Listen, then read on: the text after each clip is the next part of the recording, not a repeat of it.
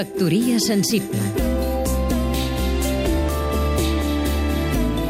Miquel de Palol, poeta i escriptor L'art de la variació és una de les disciplines de referència del Renaixement i té la màxima expressió en el barroc. És recurs de la música, de l'arquitectura, de la poesia. El principi és simple. A un tema establert, seguint una pauta s'hi afegeixen canvis formals, de ritme, tonals, discursius, i es combina amb altres recursos, amb altres elements, per exemple el quadlibet, que ara en diríem popurri, o sigui, ajuntar peces diferents sense solució de continuïtat. Poden semblar operacions extremes i, per tant, contradictòries, però n'hi ha exemples brillants. Sense anar més lluny, al final de les variacions per excel·lència, les Goldberg, que ara no cal glossar. Com serien unes variacions quadlibet de primavera? En forma d'aforisme? Sobre política?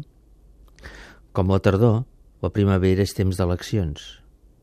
Allò que uns practiquen per guanyar-les a Espanya, posar els catalans de caldo, de rebot augmenta els vots independentistes a Catalunya. Quan no es governa es veuen millors solucions per tot?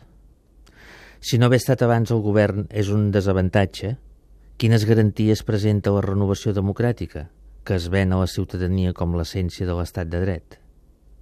En campanya electoral, pots dir tot el que et passi pel cap. Com que el poder central no pot enviar els tancs, envia els jutges. Factoria sensible Seguim-nos també a catradio.cat